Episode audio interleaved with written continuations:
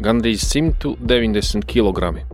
Apmēram tik daudz izlietotā iepakojuma katru gadu rada viens cilvēks Eiropas Savienībā.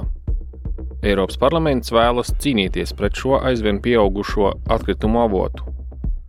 Tāpēc ir vajadzīgi jauni savienības mēroga noteikumi par iepakojumu, tā pārstrādi un tā sauktajām mūžīgajām ķīmiskajām vielām iepakojumā.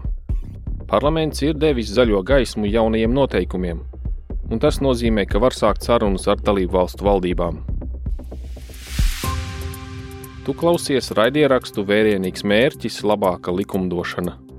Šoreiz stāstīšu par Eiropas Savienības iepakojuma un izlietotā iepakojuma direktīvu, jaunajiem Savienības mēroga noteikumiem un par izlietotā iepakojuma aizvien lielāko ietekmi uz apkārtējo vidi.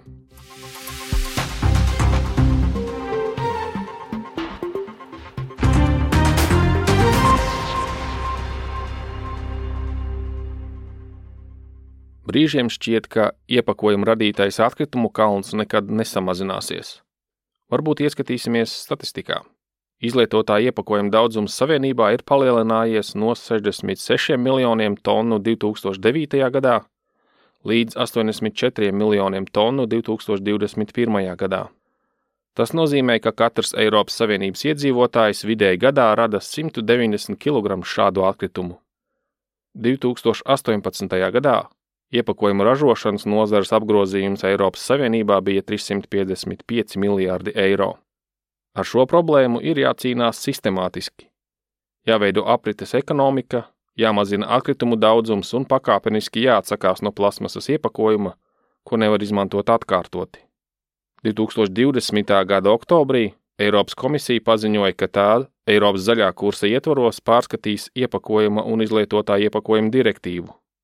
Divus gadus vēlāk komisija publicēja priekšlikumu, kura vispārējais mērķis ir samazināt iepakojumu negatīvo ietekmi uz vidi un uzlabot iekšējā tirgus darbību.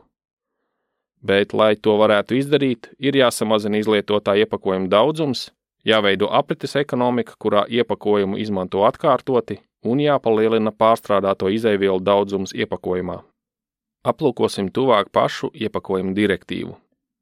Tā veido Eiropas Savienības atkritumu politikas kodolu Ir skaidrs, ka jāpalielina izlietotā iepakojuma otrreizējā pārstrāde, jeb reciklēšana. Un šāda ilgspējīga pieeja ir vajadzīga visās nozarēs. Šajā direktīvā uzsvars likts uz aprites ekonomiku. Tas nozīmē, ka mums jāatsakās no vienvirziena pieejas. Uztais, iepako, izmet. Vajadzīga aprites sistēma, kurā materiālus reciklē un no jauna izmanto ražošanas procesā.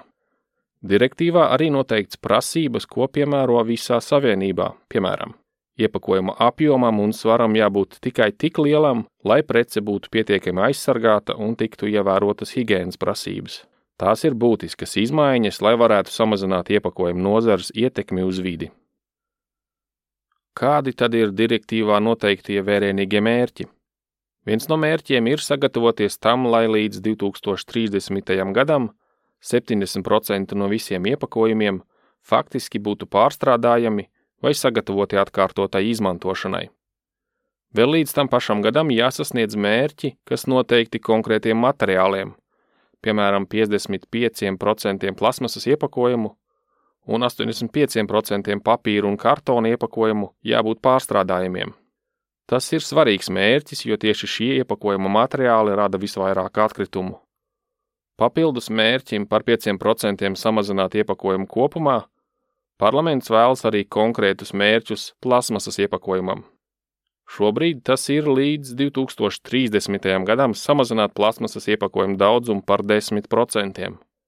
Tas nozīmē, ka, piemēram, tiks aizliegti vieglie plasmasas maisiņi, izņemot, ja tie būs vajadzīgi higiēnas apsvērumu dēļ.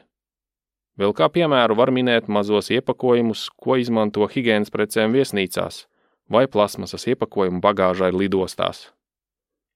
Bet kā galu galā šie noteikumi ietekmēs uzņēmumus un patērētājus? Ražotājiem būs jānodrošina, ka iepakojums ir veidots ņemot vērā ietekmi uz vidi. Tas nozīmē, ka būs jāizvērtē izmantotie materiāli un tas, vai iepakojumu var pārstrādāt. Vēl parlaments ierosina aizliegt kaitīgas vielas pārtiks iepakojumā, jo tam var būt slikta ietekme uz veselību. Bet runa nav tikai par ražotājiem. Iepakojumu problēmu būs jāpalīdz risināt arī patērētājiem. Lai noteikumi būtu pietiekami iedarbīgi, ir jāpalielina viņu informētība par atbildīgu patēriņu un problēmu kopumā. Izvēloties preces ar ekoloģisku iepakojumu, mēs varam mazināt iepakojumu ietekmi uz vidi. Tāpēc patērētāji ir jāinformē par atkārtotu izmantošanu un atkārtotu iepakojumu uzpildīšanu. Piemēram, dzērienu un līdzņemamo ēdienu tirgotājiem vajadzētu piedāvāt iespēju klientiem izmantot savus traukus vai kastītes. Saprotams arī, ka šo prasību ieviešana nav viegla.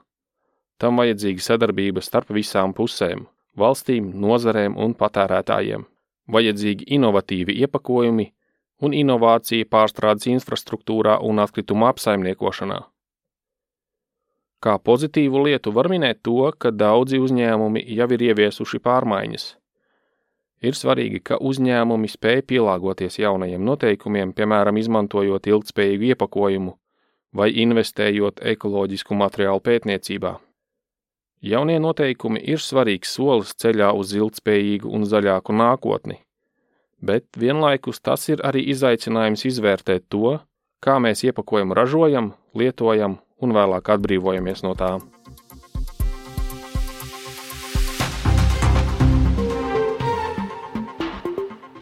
Šo raidījumu sagatavoja Eiropas parlaments.